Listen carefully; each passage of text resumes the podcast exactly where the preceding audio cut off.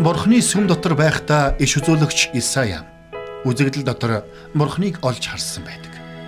Улмаар Исая хүсэр унаж Бурханд хүндлэл мөрөглийг өргөсөн. Тэгвэл амилсан Христтэй уулзсан Илч Йохан ч мөн Исаятай адил байдалд орсон тухай илчлэл номд бичигдсэн байдаг. Үнэхээр сүнслэг нүдэн нээгдэж бурхантай нүүр нүрээрээ уулзсан хүмүүс л бурханд жинхэнэ хүндэтгэл мөрөглийг өргөдөг гэдгийг Библи бидэнд гэрчилдэг. Тэгвэл яг юу биднийг бурханд хүндлэл мөрөглийг өргөхөд хүргэдэг юм бэ? Бидэнд бурханыг хүндлэн дээдлэх халуун хүслийг юу бидэнд өгдөг юм бэ? Өнөөдөр доктор Стенли бидэнтэй чухамдаа энэ л сэдвээр ярилцах болно. Ингээд доктор Стенлиг хамтдаа өгтөн авцгаая.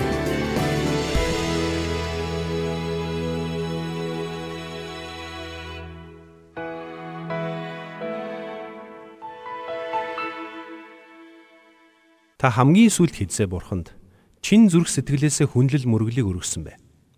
Нямгаргийн цуглаанд очоод номлол сонслоо гэд үүнийг бурханд хүнлэл мөрөгл өргөлөө гэж үзэх аргагүй. Магтандуу дууллаа гэд эсвэл мөрөглийн цагт оролцлоо гэд бурханд чин сэтгэлийн хүнлэл мөрөглийг өргөсөн гэж үзэх аргагүй юм. Тэгвэл бурхан чин сэтгэлээсээ хүнлэл мөрөглийг өргөнө гэдэг нь чухам яг юу гэсэн үг юм бэ? Хүн бүр үүнийг өөр өөрийнхөөрөө ойлгодог байх. Харин миний хувьд үүнийг дараах гурван үгээр тодорхойлохыг хүсэж байна. Эхний үг нь зүрх сэтгэл дүүрэн бэлхах гэсэн үг. Бид бурхан чин сэтгэлийн хүнлэл мөрөглийг өргөх үед бид жухамдаа үүнийг мэдэрдэг юм. Бидний зүрх сэтгэл бурханыг хүндлэх хүндлэл, бурханыг магтах магтаалаар дүүрэн бэлхдэг. А харин хоёр дахь үг нь бэлхлын илрэл гэж хэлье. Өөрөөр хэлбэл бидний зүрх сэтгэл дүүрэн бэлхэж байгаа бол энэ нь магтан дуугаар, бурханд хандсан залбирлаар, бурханд талархах талархлаар заавал илэрдэг юм. Гурав дахь үг нь бурхнаар дүүрэх гэсэн үг байгаа юм. Энэ нь бурхны ивэлэр дүүрэх биш. Бурхныг магтах хүслээр дүүрэх биш. Харин бурхнаар өөрөөр нь дүүрэх явдал юм. Өнөөдөр маш олон сүм чуулганд бурханд хүндэтгэл мөргөл өргөхдөө дуу хөгжимд эсвэл номлолын ярианд хит автаж байна. Угтаа бол тэр бүхэн Бурхны ивэл бидэнд ирдэг сувгууд юм. Гэтэл заримдаа бид тэр бүхэнд хит автаад Бурхнаар өөрөөр нь дүүргэгдхийг хойш тавих болсон байна. Улмаар Бурханд хандсан бидний хандлага нь бидний хүслийг биелүүлэгч бэрд мэтэр хандхан түгээмэл ажиглагдах болж. Тэгвэл хамтдаа Колосын номыг нэгэд харъя. Колосын 1-р бүлгийн 15-аас 20 дугаар ишлэлийг харах юм бол бидэнд Бурхныг хүндлэн дээдлэх хүслийг өгдөг гол түлхүүр нь Христийг таньж мэдэх явдал юм байна гэдгийг эндээс харах болно. За ингээ Колосон номын 1-р бүлгийн 15-аас 20 дугаар ишлэлийг танд дуудаж өгье. Тэр бол үл үзэгдэгч Бурхны дүр бөгөөд тэр бүтээлийн төрөнд гарсан мөн. Учир нь түүн дотор тэнгэр ба газар дах бүх юмс, үзэгдэх ба үл үзэгдэх юмс, хаан ширээнүүд эсвэл ноёрхлууд, удирдлагууд эсвэл эрх мэдлүүд ч бүтээгдсэн. Бүх юмс түүгээр болон түүний төлөө бүтээгдсэн байна. Тэр бүх юмсийн урд байна. Бүх юмс түүгээр оршин тогтнодог. Тэрээр бий болох чуулганы тэргүүн. Тэр бол эхлэл үхсдээ санх төрсөн мөн. Энэ нь тэр өөрөө бүх юмсийн тэргүүн болохын тулд болоо. Учир нь Бурхан түүний дотор төгс дүүрэн оршдгийг болон түүний загалмайн цусаар амар амгалан тогтоон түүгээр дамжуулан газар дээрх эсвэл тэнгэр дэх бүх юмсыг өөртөөгөө эвлэрүүлсэнийг таалдгиймаа гэсэн байна. За тэгэхээр үнэхээр бид Есүс Христийн тухай бодож тэр бидний хувьд хэн болохыг эргцүүлэх үед бидний дотор түүнд хүндэтгэл мөрөглийг өргөх хүсэл өөрийн эрэхгүй төрж эхэлдэг юм. Эндээс л бидний зүрх сэтгэл баяр багтлаар дүүрэн бялхаж энэ бялхан байдал нь магтаал хүндлэлээр дамжуулан илэрдэг юм. Тиймээс бид өөр юугаарч биш зөвхөн Есүс Христээр дүүргэгддэг юм. Тэгвэл хамтдаа Есүс Христ чухамдаа хэн болохыг дахин нэг бодод үзцгээе. Колосон номын 1-р бүлгийн 15 дугаар ишлэлдэр Паул ийхүү тодорхойлсон байна. 15 дээр нь тэр бол үл үзэгдэгч бурхны дүр гэж хэлсэн байна. Бурхан бол сүнс. Тиймээс хинч бурхныг хараагүй. Харин энэ дэлхий дээр ирсэн Есүс Христ бол тэрхүү үл үзэгдэгч бурхны дүр болсон юм. Тиймээс Есүс Христээр дамжуулан бурхан бидний дотор өөрийн дүр төрхийг үлдээсэн. Түүний ариун сүнс бидний дотор нутаглаж Бид Есүс Христийн дүр төрхийн дагуу өдрөөс өдөрт өөрчлөгдөн шинчлэгдэж буй Бурхны хүүхдүүд болсон юм. Үнэхээр Есүс Христ бол Бурхны төгс дүр дүрх мөн. Тиймээс Есүстэй уулзсан бол та Бурхантай уулзсан гэсэн үг. Тиймээс Иохны 14:9-д эзэн Есүс өөрөө айлдахдаа би та нартай хамт ийм удаан байхад чи намайг таньж мэдсэнгүү гэж юу? Филиппе намайг харсан эцгийг харсан юм а. Гэтэл бидэнд эцгээ харуулаач ээ гэж чи яаж хэлнэ вэ гэсэн байдаг. Мөн Иохны 10:30-д хэлэхдээ би болон эцэг нэг юм а гэсэн байдаг. Эцэг бид хоёр нэг болох болно гэж хэлээгүү. Харин би болон эцэг нь нэг юм а гэж айлдсан байна. Үнэхээр Есүс Христ бол Бурхан эцгийн алдрын тусгал юм. Тэр бол Бурханы төгс төгөлдөр дүр юм. Тиймээс түүнтэй уулзсан бол бид Бурханыг харсан гэсэн үг. Тиймээс та дараагийн удаа Бурханыг магтан хүндлэх үедээ Бурхан та бидэнд хэрхэн хандсныг дурсан санаасаа гэж би хүсэж байна. Ромын 8 дугаар бүлэгдэр хэлэхдээ тэр биднийг урдаас тогтоосон гэсэн байдаг. Энэ нь тэр биднийг урдаас хайрлаж биднийг өөрийн төгс дүр болох Есүс Христийн дүр төрхийн дагуу хэлбэршүүлэн шинчлэхээр урдаас тогтоосон гэсэн үг юм. Үнэхээр Есүс Христийг таньж мэдэж биднийг хайрлсан түүний агуу хайрыг ойлгож ухаарахаас илүү бидний дотор Бурхныг хүндлэн дээдлэх халуун хүслийг төрүүлж чадах зүйл гэж үгүй юм. Бурхан биднийг хайрлаж бидний амьдралд хандсан гайхамшигтай зорилгоо бидэнд өгсөн. Энэ нь биднийг зорж, зүлгэж, бидний амьдрал гайхамшигтай ажлуудаа хийн. Биднийг Есүс Христийн дүр төрхийн дагуу шинчлэн өөрчлөх явдал юм. Харин Есүс Христ бол Бурхан эцгийн төгс төгөлдөр дүр гэдгийг бид санах хэрэгтэй. Хамтдаа Колосой номын 1:15-ыг уншаад үзцгээе. Тэр бол үл үзэгдэж Бурханы дүр бөгөөд бүх бүтээлийн төрөнд гарсан мөн. Энэ ишлийн сүүлийн хэсгийг зарим хүмүүс буруугаар ойлгож, буруугаар тайлбарладаг юм. Харин бидний хувьд энэ ишлийг зөвөр ойлгох нь маш чухал юм. Энд эзэн Есүсийг бүх бүтээлийн түрүүнд гарсан мөн гэсэн байна. Энэ нь эзэн Есүс Христ хамгийн анх бүтээгдсэн бүтээл гэсэн үг үү? Мэдээж үгүй. Энд түүнийг түрүүнд гарсан гэж хэлэхдээ цаг хугацааны тухай биш харин эрэмб дараалын тухай өгүүлсэн байгаа юм. Өөрөөр хэлбэл тэр бүх бүтээлийн түрүүнд нь эрэмблэгдэх нэгэн гэсэн үг юм. Учир нь тэр бол эзэн. Тэр бол бүхнээс дээгүрх эрх мэдэлтэй нэгэн. Түүнээс дээгүр орших зүйл гэж нэг ч үгүй. Тийм ч учраас Колосой 1:16 дөрвөлжлүүлэн хэлэхдээ учир нь түүн дотор тэнгэр ба газар дах бүх юмс үзэгдэх ба үл үзэгдэх юмс хаан ширээнүүд эсвэл ноёрхлууд удирдлагууд эсвэл эрх мэдлүүч бүтээгдсэн. Бүх юмс түгээр болон түүний төлөө бүтээгдсэн байна гэж бичигдсэн байна. Тэгвэл би танаас асууя. Та Есүс Христ бол миний эзэн хэмээн чин үннээр хэлж чадах уу? Та түн амьдралынхаа бүхий л талбарыг бүрэн дүүрэн өргөж чадах уу? Учир нь бид Есүс Христийг эзэн хэмээн тунхилсан атлаа. Амьдралаа бүхэлдэн түүнд өргөдөггүй. Энэ нь зүйрлүүлбэл эзэн минь та миний амьдралыг бүхэлдэн удирдах болно. Гэхдээ амьдралынхаа энэ хэсгийг би өөрөө удирдъя гэж хэлж байгаатай адил юм. Гол асуудал нь бидний зүрх сэтгэлд Бурхны эсрэг тэрсэлсэн өчүүхэн төдий хандлага байхад бид Бурхныг үнэхээр хүндлэн дээдлэж чадахгүй гэдгийг бид ойлгох хэрэгтэй. Хэрвээ бид Есүс Христэд үнэн хүндэтгэл мөрөглийг өргөхийг хүсэж байгаа бол зүрх сэтгэлийнхээ гүнд нуусан Есүс Христэд өргөж түүнд захируулахаас зайлсхийж буй альва бүхнээ ил гаргаж түүнд бүхлээр нь өргөх учиртай юм. Үннийг хэлэхэд бидний хүндэтгэл мөргөл гэж боддог зүйлс ихэнхдээ жинхэнэ хүндэтгэл мөргөл биш байдаг юм. Харамсалтай нь тэдгэрийн ихэнх нь хүндэтгэл мөргөл гэхээс илүү entertainment-ийн зүйлсүүд байдаг. Бид цуглаанд очиод алга дашин магтан дуулж, инээж хөөрөн гайхалтай сайхан цагийг өнгөрүүлдэг боловч тэр нь бурхан дөргөх жинхэнэ хүндэтгэл мөргөл биш байж болно. Учир нь бид түнд жинхэнэ хүндэтгэл мөргөлийг өргөхийн тулд Есүс Христийг амьдралаараа амсаж үзэх учиртай юм. Бид түүнийг аврагч эзнээ химэн хүлээж аваад зогсохгүй. Өнөөдрийн уучлал өршөөл маргаашийн ивэл өрөөлд нь итгэж найдах учиртай. Өнөөдрийн хамгаалалт маргаашийн хангалтад нь бүрэн дүрэн итгэх ёстой юм. Өөрөөр хэлбэл бид зөвхөн түүгээр дүүргэгдэх учиртай. Бидний хувьд Христээр дүүргэгдэж чаддгүй нэг том шалтгаан бол бид өөрсдөө дүүрэн байдаг явдал юм. Харин бид яагаад Христээр биш өөрөөрөө дүүрэн байдаг юм бэ? Гэвэл бид түүний хинбэ гэдгийг бүрэн дүрэн ойлгож ухаараагүй явдал юм. Тиймээс ч бид аливаа зүйлсийг өөрийнхөө хүчээр, өөрсдийнхөө хүслээр, өөрсдийнхөө арга замаар хийхийг хүсдэг. Тэгсэн хэрн амаараа түүнийг эзэн минь хэмээн дууддаг.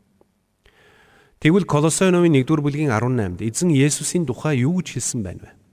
Тэрээр бий болох чуулганы тэргүүн. Тэр бол эхлэл үхэгсдээс анх төрсөн мөн. Энэ нь тэр өөрөө бүх юмсыг тэргүүн болохын тулд болоо гэсэн байна. Үнэхээр тэр бол бүх юмсийн тэргүүн. Тэр бүхний энэ тэргүүнд байх ёстой. Мэдээж бид Есүс бол энэ дэлхийн ертөнц дээр хамгийн дэд эрх мэдэлтэй нэгэн гэдгийг хүлээн зөвшөөрдөг. Гэтэл бид өөрсдийнхөө амьдралд түүнийг хамгийн дээд эрх мэдэлтэй нэгэн хэмээн хүлээн зөвшөөрөхдөө хойрог ханддаг. Тэгвэл би танаас асууя. Есүс Христ өнөөдөр таны амьдралд хамгийн түрүүнд байж чадаж байна уу? Таны амьдралын хамгийн дээд эрх мэдэл Есүс Христ байна уу? Эсвэл та өөрөө байна уу? Хэрэг бид түүнийг амьдралынхаа энэ тэргуунд тавьж чадахгүй бол Бурхныг үнэхээр хүндэлж чадахгүй гэдгийг бид ойлгох хэрэгтэй. Хамтдаа Колосой номын 1:16 дугаар ишлэлийг унших юм бол учир нь Түүн дотор тэнгэр ба газар дах бүх юмс, үзэгдэх ба үл үзэгдэх юмс, хаан ширээнүүд, эсвэл ноёрхлууд, удирдлагууд, эсвэл эрх мэдлүүдч бүтээгдсэн. Бүх юмс түүгээр болон түүний төлөө бүтээгдсэн байна гэсэн байна. Үнэхээр бүх юмс түүгээр бүтээгдсэн. Бидний эргэн тойронд байгаа бүх зүйлс Бурхны бүтээл юм. Тиймээс бид Есүс Христийн өмнө эрэхтэй түүнийг бидний аврагч хэмээн хүндлээ зогсохгүй. Бүтээгч Бурхан хэмээн хүндлэн дээдлэх учиртай юм. Учир нь тэр бол өнгөрсөн одоо ирээдүйд бүхнийг бүтээсэн бүтээгч нэгэн. Бид Есүс Христийн энэ химжээшгүй агуу их чадлыг ойлгож ухаарж эхлэх үедээ түүний жинхэнэ дүр төрхийг багч болов төсөөлөд эхэлдэг юм. Тиймээс бид түүнийг бүрэн дүүрэн таньж мэдхийн төлөө бүх хүчээрээ тэмүүлэх учиртай юм. Тэгвэл би танаас асууя. Та амьдралдаа юуг хамгийн ихээр ирж хайж байна вэ? Та амьдралдаа юуг хамгийн ихээр хүсэж тэмүүлэн байна вэ? Юу таны сэтгэлийг тавгүй болгож эсвэл юу таны санааг зовоод юм бэ? Үнэндээ тэр бүхнээ бүгдийг нь хойш тавиад Есүс Христ рүү бүх анхаарлаа хандуулах нь зүйтэй юм. Учир нь Есүс Христ бол бүхнийг бүтээсэн бүтээгч. Бүх зүйл түүний төлөө бүтээгдсэн. Бас тэр таныг өөрийнхөө дүр төрхийн дагуу бүтээсэн юм. Тэгвэл та итгэлийн амьдралдаа түүн рүү бүх анхаарлаа хандуулж байна уу? Эсвэл өөр ямар нэгэн зүйл рүү тэмүүлж байна уу? Харин одоо хамтдаа Колосой 1:17-ыг нь харъя. Тэр бүх юмсын урд байна. Бүх юмс түүгээр оршин тогтнонд юма гэсэн байна. Тэр бүхний бүтээгээ зогсохгүй бүх юмс түүгээр оршин тогтнодог гэдгийг Паул энд хэлсэн байна. Заримдаа таны амьдрал ямар ч эмх замраагүй болоод тал тал тишээгээ ботвсрэх гэж байгаа мэт санагдаж байж болох юм. Харин бид Есүс Христээр дүүрэх үед бидний амьдрал бүхэлдээ нэг цогц цул зүйл болсныг мэдэрдэг. Юр бусын нэгдмэл байдлыг бид мэдэрдэгэ гэсэн үг. Учир нь бүх юмс түүгээр оршин тогтнодог. Тэр бүх юмсыг тогтоон барьж байдаг юм. Тиймээс зөвхөн тэр л бүх зүйлийг бүрэн дүүрэн гүйцэд болгодог. Харин тэр Есүс Христ ариун сүнсээрээ таны дотор тантай хамт байгаа гэдгийг та битгий мартаарай. Таны амьдралыг бүрэн гүйцэд болгохын тулд Есүс Христээс өөр хэн танд хэрэгтэй гэж. Учир нь Христ Есүс бол бүгдийг нэгтгэн тогтоом барьж байдаг гайхамшигтай супер цав гэж ойлгоход болно. Цааш нь үргэлжлүүлээд Колосой 1:18-ыг нь харъя. Тэрээр бий болох чуулганы тэргүүн. Тэр бол эхлэл. Үхсдээс анх төрсөн мөн. Энэ нь тэр өөрөө бүх юмсийн тэргүүн болохын тулд болоо гэсэн байна. Үнэхээр Илч Паул энд хэлсэнчлэн тэр бол чуулганы тэргүүн юм. Христэд итгэгчид биднийг Бурхны агуу айрмын нэгэн хэсэг гэдгийг Библи гэрчилдэг. Бид бол Христийн бие. Бид бол Христээр дахин төрсэн Бурхны гэр бүлийн гишүүд. Христийн доторх ахан дүүс. Үндэ зөвхөн Бурхан л ийм гайхамшигтай зүйлийг хийж чадна. Гагцхүү Бурхан л ийм гайхамшигтай зүйлсийг сэтгэж бас чадна. Өөрөөр хэл соёл, өөрөөр нийгэм, өөрөөр үндэс угсаатай тэр олон сая хүмүүсийг ийхүү нэгтгэж чадах хүч гагцхүү Бурханд л бий. Гагцхүү Бурхан л биднийг ийхүү нэгтгэж Христийн бие болгож чадна. Тийхүү бид бүгд нэг зүйлээр л нийтлэг болсон. Тэр бол Есүс Христ. Бид бүгд Есүс Христийн бие юм. Та Бурхны хүүхэд болсондоо Христийн биеийн нэгэн хэсэг болсондоо Бурхан талархаж байсан уу? Учир нь биднийг ийхүү нэг болгон тогтоом барьж буй нэгэн бол Есүс Христ юм. Тэр бол чуулганы тэргүүн. Тэр бол бидний үйлчлдэг эзэн. Бид зөвхөн түүгээр л дүүргэгдэх учиртай. Хэрвээ бид Бурхныг чин зүрх сэтгэлээсээ хүндлэн дээдлэхийг хүсэж байгаа бол гагцхүү Есүс Христийг л санахад л бидэнд дэндүү хангалттай. Бурхны төгс төгөлдөр дүр болох Есүс Христ ямар агуу болохыг, тэр бүхнийг бүтээсэн болохыг, тэр бүхнийг тогтоон барьж байдгийг, мөн тэр өөрөө чуулганы тэргүүн болохыг бид санахад л хангалттай юм. Гэхдээ үгээр зогсохгүй. Тэр та бидэнд хайртай. Тэр бидэнд хайртай учраас Библийг бидэнд өгсөн юм. Бид Библийг унших бүрд Библи биднийг хааш нь хөтлөн дагуулдаг вэ? Мэдээж Есүс Христ рүү хөтлөн дагуулдаг. Хуучин гэрээч тэр, шин гэрээч тэр ялгаагүй Христ рүү биднийг чиглүүлдэг юм. Үхэлж Христ рүү, амьдралч Христ рүү, хавчлагч Христ рүү, ялалтч Христ рүү. Дутагдж, гачигдах үед ч Христ рүү. Бэлхам дүүрэн байсан үед ч Христ рүү. Бүх зүйлд Христ рүү биднийг чиглүүлдэг юм. Энэ бол бидний итгэлийн амьдрал. Тиймээс хэн нэгэн мэрэгэн хүн та Христийг олсон бол бүхнийг олсон гэсэн үг юм а хэмээн хэлсэн байдаг. За ингээд цааш нь харъя. Колосон номын 1-р бүлгийн 19-с 23 дугаар ишлэгийг нь уншъя. Учир нь бурхан түүний дотор төгс дүүрэн оршдгийг болон түүний загалмайн цусаар амар амгалан тогтоон түүгээр дамжуулан газар дээрх эсвэл тэнгэр дэх бүх юмсыг өөртөөгөө эвлэрүүлсэнийг таалдаг юм.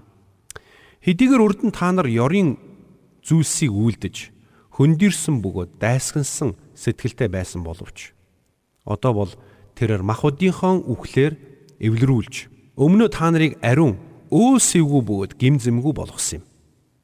Та нар итгэлд суйрлагдсан бат тогтож сонссон сайн мэдээнийхээ найдвараас үл хөдлөх аваас тийм байх болоо. Энэхүү сайн мэдэн Тэнгэрийн доорх бүх бүтээлд тунхаглагдаж Паул би үүний үйлчлэгч нь болсон билээ гэсэн байгаа юм. Биднийг Есүс Христийг бүх зүрх сэтгэлээрээ хүндлэн дээдлэхээс өөр аргагүй байдалд хүргэх өөр нэгэн шалтгааныг Илч Паул энд дурдсан байна. Үнэн дээр бид бүгд дуулуургийн зөрүүд, тэрслүү, найдваргүй, сохор, харлаган Бурханаас тусгаарлагдсан байсан. Тиймээс ч бид хизээч Бурхан минь би таныг таньж мэдхийг хүсэж байна хэмээн төрүүлэн хэлж чадаагүй байсан. Харин Бурхан биднийг агуу хайраараа хайрлсан учраас биднэр лүү төрүүлж гараа сунгаж өөрөө төрүүлэн биднийг дуудсан юм. Бурхан өөрөө санаачлахыг гартаа авч өөрөө биднэр лүү гараа сунгасан учраас бид түүнд итгэж түгээр аврагдсан гэдгийг та мэдэхгүй гэж юу. Тэр бидэнд үннийг илчилж өгсөн. Тэр бидний гим нүглийн маань талаар зэмлэн ятгсан. Тэр бидэнд итгэлийг өгсөн. Тэр бидний гимшлийг хайрлсан. Тэр өөрөө санаачлахыг гартаа авсан юм. Тэгвэл ийм агуу нэгэнтэй энэ зэрэгцэх өөр нэгэн бий гэж юу? Тэр загалмаа дээр бидний төлөө цусаа урсгасан учраас Бурхан эцэг нь та биднийг авралдаа багтаасан юм. Тэгвэл ийм агуу Христийг таньж мэдсэн атлаа бид яагаад түүнээс ийм амархан холдож түүнээс анхаарлаа тийм амархан сарниулдаг юм бэ? Тэр өөрөө бидэнд төрүүлж хүрсэн байхад бид яагаад түүгээр биш өөр бусад зүйлээр өөрсдийгөө дүүргэдэг юм бэ? Ромын 5:8-д Илч Паул хэлэхдээ Гэтэл биднийг нүгэлтнүүд байхын л Христ бидний төлөө үгснээр Бурхан биднийг хайрлах хайраа харуулсан гэсэн байдаг шүү дээ. Тиймээс зөвхөн Есүс Христэл бидэнд Бурханыг бүх зүрхээрээ хүндлэн дээдлэх халуун хүслийг өдөөж өгдөг гэдгийг та хатуу ойлгоорой. Колосон номын 1:20-ыг дахиад унших юм бол түүний загалмайн цусаар амар амгалан тогтоон түүгээр дамжуулан газар дээрх эсвэл тэнгэр дэх бүх юмсыг өөртөөгөө эвлэрүүлсэнийг таалдгиймаа гэсэн байгаа. Тэр юуны төлөө энэ бүхнийг хийсэн юм бэ? 22 дугаар ишлэлийг үзэх юм бол өмнө та нарыг ариун өөсөвгүй бөгөөд гим зэмгүй болгосон гэж хэлсэн байна. Үнэхээр тэр өөрөө санаачлагыг гартаа авч тэр өөрөө гим нүгэлтэд биднийг сонгон өөрийнхөө цусаар дамжуулан зольж өөрөө биднийг ариун өөсөвгүй гим зэмгүй болгосон байна. Үүнийг ойлгож ухаарах үед бид Бурхны өмнө өөрийн эрэхгүй өвдөгсөгддөг.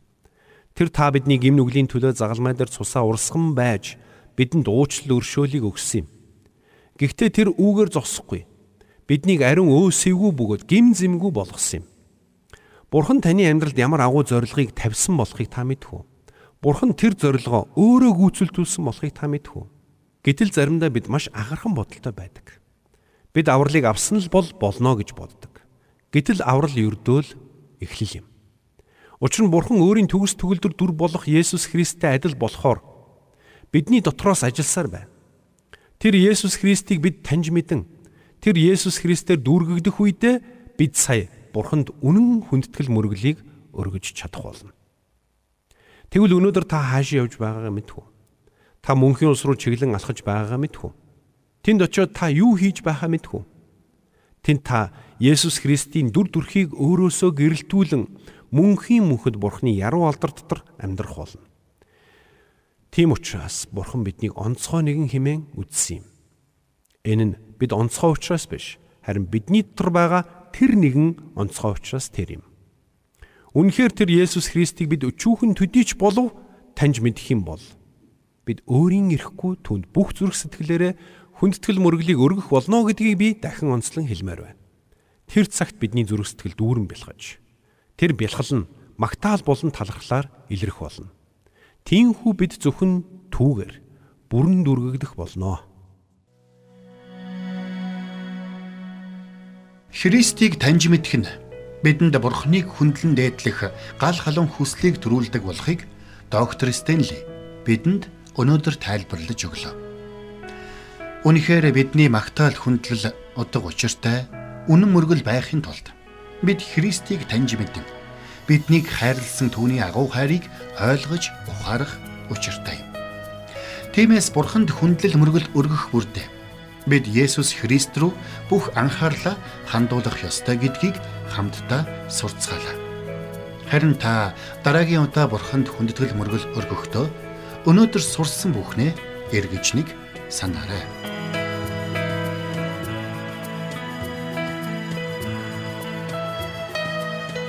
Бурханд тэмүүлсэн сэтгэл хүмүүсийг энэрх зөрхөөр амьдрахад туслах номлогч доктор Чарлз Стенлигийн хамттай нэвтрүүлэг сонсогч танд хүрлээ.